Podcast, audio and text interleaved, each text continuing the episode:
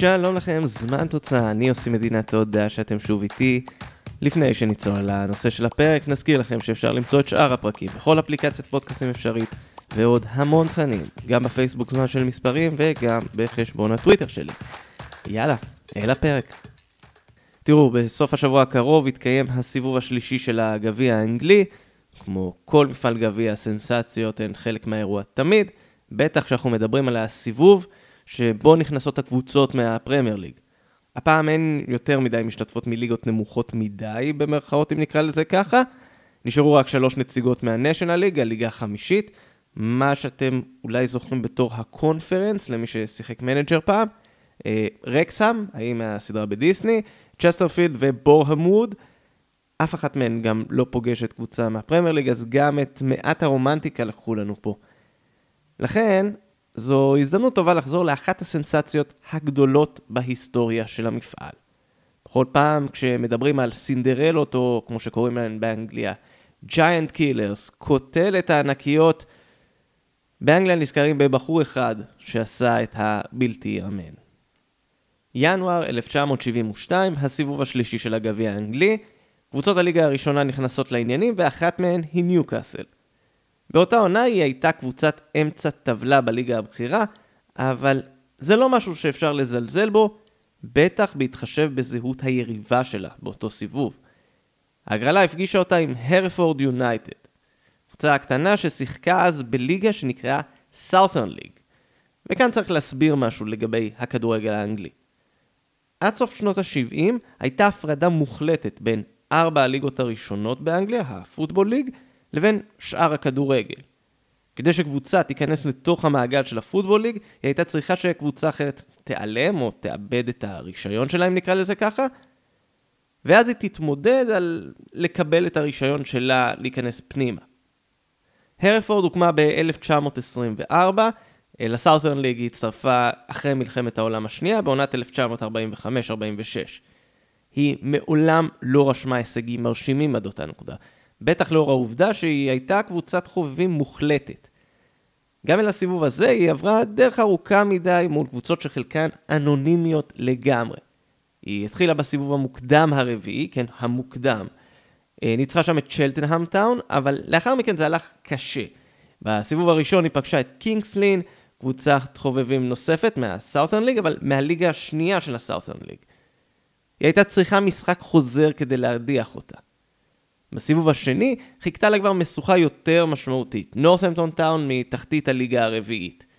זו הייתה סדרה של שלושה משחקים, כשאחרי 0-0 במשחק הראשון, 2-2 במשחק השני, הגיע 2-1 במשחק השלישי.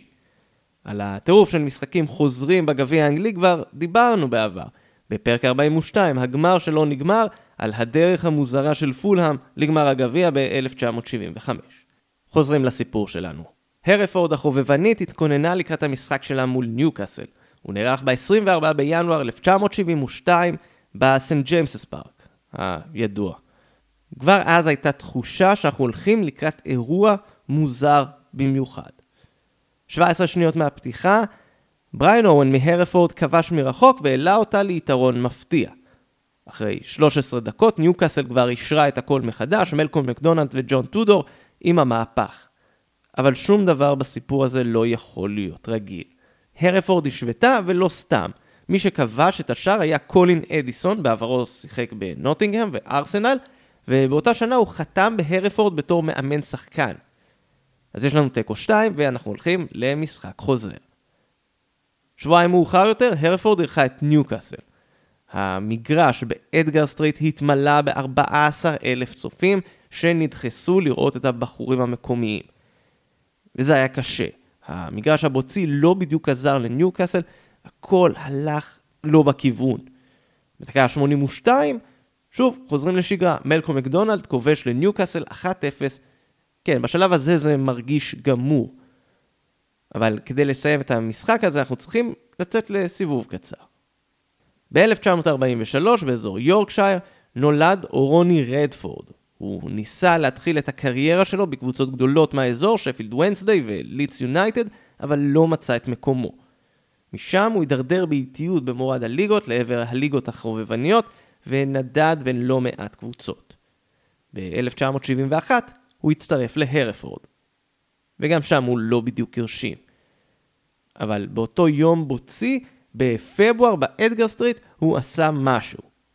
בדקה 87 הוא לקח כדור מעט אחרי קו מחצית המגרש, ומסר אותו לבריין אוון שהחזיר לו בנגיעה, כשתוך כדי הריצה לעבר הכדור, הוא משאיר מאחוריו שחקן הגנה של ניוקאסל. רדפורד קיבל את הכדור ושחרר טיל לחיבורים מ-27 מטרים. הקהל לא ידע אושר כזה, אפילו הייתה פריצה קלה למגרש, אבל זה קרה. הרפורד שוב בשוויון מול ניוקאסל. השער הזה הוקרן שוב ושוב בשנים הבאות. הוא הפך לשער קאלט שאפילו שובץ בפתיח של תוכנית סיכום המחזור באנגליה, Match of the Day. הוא נבחר לשער העונה בעונת 71-2. אבל לפעמים יש רגעים כאלה שנצרבים בתודעה בתור משהו מסוים, למרות שהם לא כאלה. כמו הניצחון של מכבי תל אביב על צסקה מוסקבה ב-1977, זה כדורסל, אבל בגמר היא בכלל ניצחה את ורזה, אף אחד לא זוכר את זה. גם השער הזה לא היה שער ניצחון, זה אמרנו, שער שוויון. אבל יש סיבה שזוכרים את השער הזה, כי מעבר להיותו מדהים, הוא גרר את המשחק להערכה. ושם, שם שוב קרו דברים אחרים. דקה 103 של המשחק, קפטן ניוקאסל בובי מונקור ניסה להרחיק ניסיון בעיטה של הרפורד, אבל הכדור הגיע לרדפורד, הוא מסר לדדלי טיילור, ומשם לריקי ג'ורג'. ג'ורג' גם הוא היה שחקן בעל עבר לא מרשים, אבל הוא זה שנתן את הבעיטה הנכונה בזמן הנכון, וכבש את שער הניצחון של הרפורד. 2-1 היא מדיחה את ניוקאסל במה שנחשב עד היום לסנסציה הגדולה ביותר בהיסטוריה של הגביע האנגלי. עד אותה תקופה, כמעט 30 שנה לא קרה שקבוצת חובבים הדיחה קבוצה מהפוטבול ליג. היא אגב לא הייתה רחוקה מהפתעה נוספת, כי בסיבוב הבא היא גררה גם את וסטאם למשחק חוזר, אבל הפסידה בו 3-1. ב-2011, רוני רדפורד, כובש אותו שער היסטורי, קיבל כבוד נוסף. ההתאחדות האנגלית החליטה לקרוא על שמו פרס שנתי, שבו האוהדים בוחרים את הקבוצה המפתיעה של השנה בגביע. ב-2 בנובמבר 2022, לפני שלושה חודשים, התקבלה הודעה רשמית שבגיל 79, רוני רדפורד הלך לעולמו. אין הרבה שחקני ליגות נמוכות שמשאירים כזו מורשת, גם אם הם לא כבשו שער ניצחון אפילו.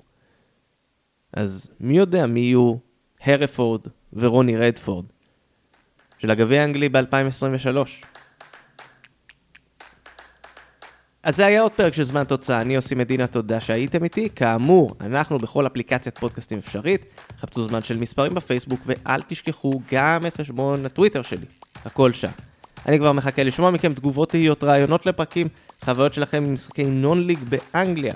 יכול להיות שאמרתי את זה כבר בפרק פורסט גרין רוברס אי שם בתחילת הדרך שלי, לא יודע. הבמה שלכם היא לגמרי פתוחה. יהיו עוד פרקים, הם כבר בדרך אליכם, עד אז, ביי בינתיים.